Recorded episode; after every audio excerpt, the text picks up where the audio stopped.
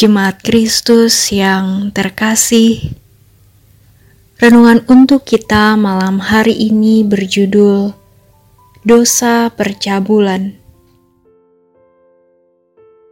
Dan bacaan kita diambil dari 1 Korintus pasal 5 ayat 6 hingga ayatnya yang ke-8. Beginilah firman Tuhan. Kemegahanmu tidak baik.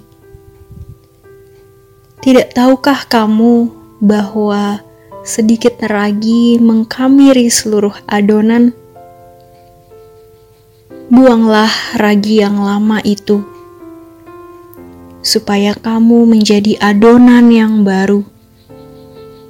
Sebab kamu memang tidak beragi. Sebab anak domba Paskah kita juga telah disembelih, yaitu Kristus. Karena itu, marilah kita berpesta, bukan dengan ragi yang lama bukan pula dengan ragi, keburukan, dan kejahatan, tetapi dengan roti yang tidak beragi, yaitu kemurnian dan kebenaran. Dilaporkan dari liputan6.com, sebuah penelitian yang dilakukan oleh Rekit Benkiser di Indonesia pada 500 remaja di lima kota besar di Indonesia menemukan 33% remaja pernah melakukan hubungan seksual secara penetrasi. Dan dari hasil tersebut, 58% di antaranya melakukan penetrasi di usia antara 18 sampai 20 tahun. Dan peserta survei ini pun disebutkan belum menikah. Tentu saja, dosa percabulan tidak hanya menargetkan remaja, tetapi juga orang dewasa dan mereka yang telah menikah, namun sering bergonta-ganti pasangan. Bagaimanakah kita meresponi hal ini? Sesuai bacaan di atas, selain masalah perpecahan, tampaknya jemaat Korintus juga mengalami masalah moralitas.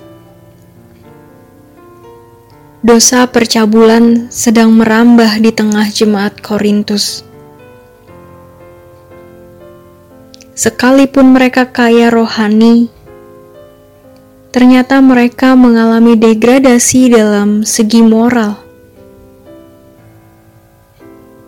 Percabulan sendiri merupakan dosa yang sangat berbahaya karena selain menyebabkan kerusakan tubuh dengan timbulnya penyakit kelamin dan merusak gambar atau citra diri karena merasa kotor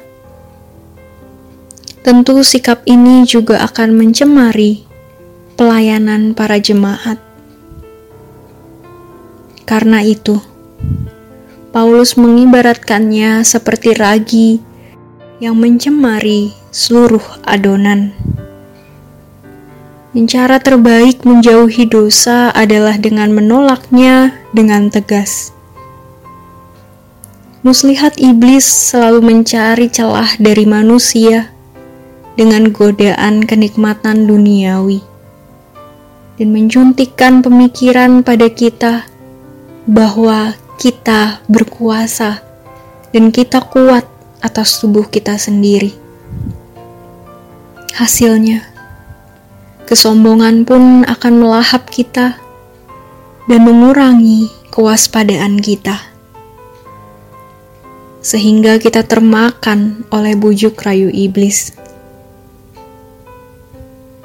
Lawan dosa sendiri adalah firman Tuhan, terutama pada zaman digital ini. iblis bisa memakai segala cara masuk dalam dosa percabulan. Oleh karena itu, sebisa mungkin kita berhikmat saat mengakses internet.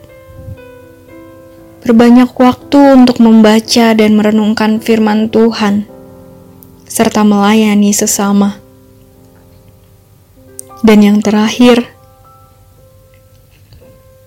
mintalah pertolongan Tuhan, baik dalam doa maupun saat teduh kita, agar Allah turut serta menjaga kesucian hati pikiran, dan tubuh kita. Jangan merasa kuat. Iblis punya banyak cara untuk membuat kita jatuh. Demikianlah renungan malam ini. Semoga damai sejahtera dari Tuhan Yesus Kristus tetap memenuhi hati dan pikiran kita. Amin. Jemaat yang terkasih, mari kita bersatu hati menaikkan pokok-pokok doa yang ada dalam gerakan doa 21 GKI Sarwa Indah. Mari berdoa.